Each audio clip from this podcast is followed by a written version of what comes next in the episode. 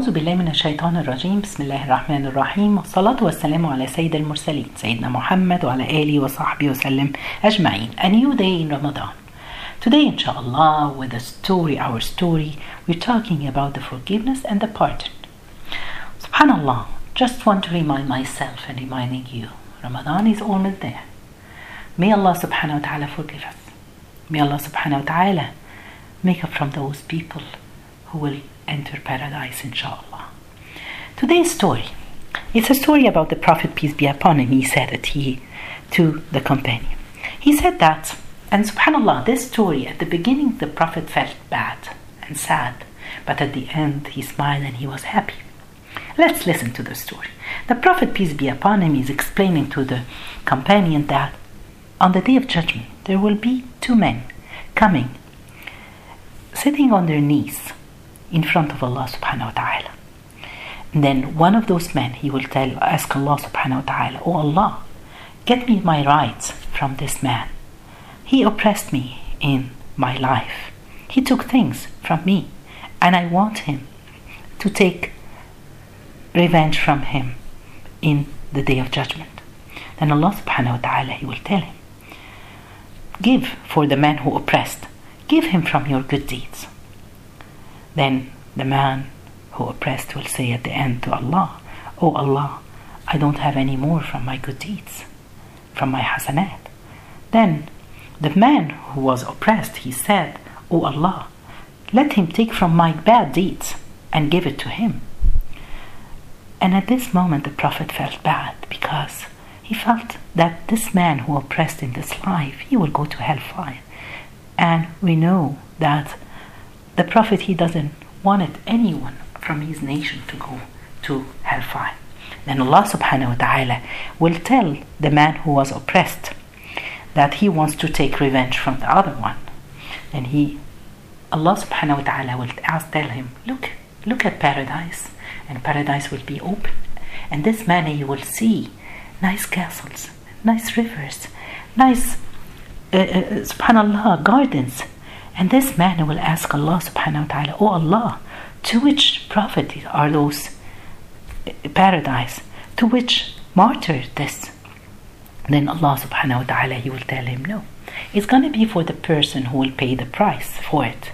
Then the man will ask Allah, What's and who afford to have the price for this paradise? Then Allah subhanahu wa ta'ala will tell him, You have the price for this. Then the man will ask, So tell me, Allah, what's my price? Then Allah subhanahu wa ta'ala will tell him, Just forgiving and pardon your brother. Allah subhanahu wa ta'ala. So he said, Oh Allah, I bear witness you that I forgive him. Oh Allah, I bear witness that I forgive him. Then Allah subhanahu wa ta'ala will tell him, Take the hand of your brother and both of you to go to paradise. What a nice story. Subhanallah. Just want to remind you, remind you of this verse in the Quran when Allah subhanahu wa ta'ala he said, Who restrain anger and who pardon the people, and Allah loves the doers of good. Subhanallah, another verse, version, uh, another verse in the Quran. But if you pardon and overlook and forgive, then indeed Allah is forgiving and merciful. Subhanallah, these days, guys, from the beginning of the last 10 days, we have been repeating and asking Allah the forgiveness. Oh Allah, you love forgive, so forgive us. We ask the pardon of Allah, we ask the forgiveness. Remember, let's try to forgive people. We live in a very short life here. Isn't it worth to forgive just to get the forgiveness of Allah subhanahu wa ta'ala?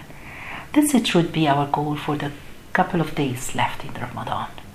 Ask Allah and beg Allah, but show Allah that you are able to forgive too.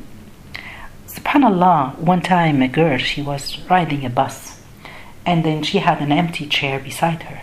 The bus stopped in one of the station and a woman, an old woman, she came up and she sat beside her. While she was sitting, she turned and she bumped her with her luggage and purse. But the girl, she didn't say anything. The man was sitting beside the girl. He told her, he looked at her and he told her, Why didn't you tell her something? She bumped you. So the girl had a nice smile on her face. She looked at the guy and she told him, That's okay. We have a very short trip. I'm coming down uh, uh, next station. So don't worry. Subhanallah, if you just, I thought about it, it's a very short trip. Just remind ourselves, it's a, our life is a very short trip. We don't know when is going to be the station that we leave the bus, we leave this life. It doesn't matter, subhanallah. Let's remember this that life is very short. Why are you still angry with people? Try to forgive. When someone makes fun of you, remember that it's a very short trip. When somebody oppresses you, forgive and remember it's a very short trip. We don't know, as I said, when we're gonna leave this life. Maybe this is our last Ramadan. So let's hurry up. Let's take advantage of these great days and forgive. Some people will tell me it's not easy. I have been oppressed by people. They took my they, my inherit that I inherit, maybe a brother or sister or a boss, your boss at work, or a friend or a neighbor, somebody harmed you. Yes, there is a lot of people who do bad things to other or they oppressed. But what we want to do is to forgive because we're seeking the forgiveness of Allah.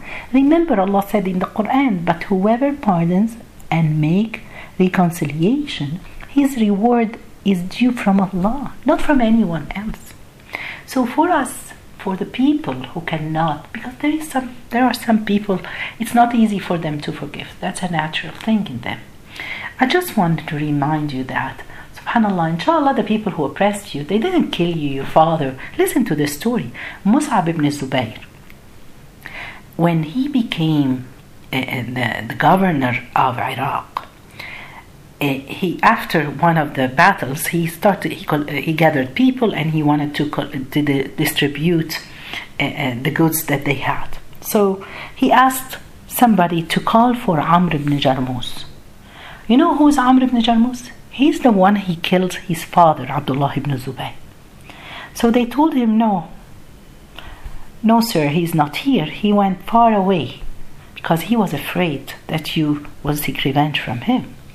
So Mus'ab was surprised and he said, Is he stupid? Would he think that I'll do this, revenging the right for the killing of my father Abdullah?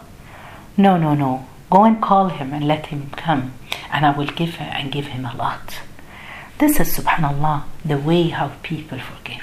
If you just remember the story of Mus'ab, you can forgive. Inshallah, people who oppress you, they didn't take, they didn't kill, inshallah, your parents.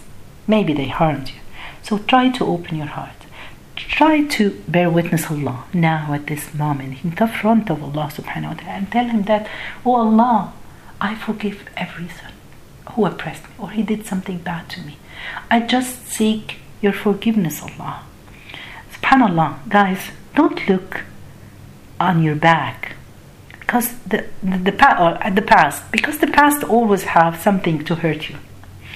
And don't look in the future because the future sometimes you worry about things. But look up to Allah. Look to Allah up in heaven because Allah he, he is the one who will make you happy.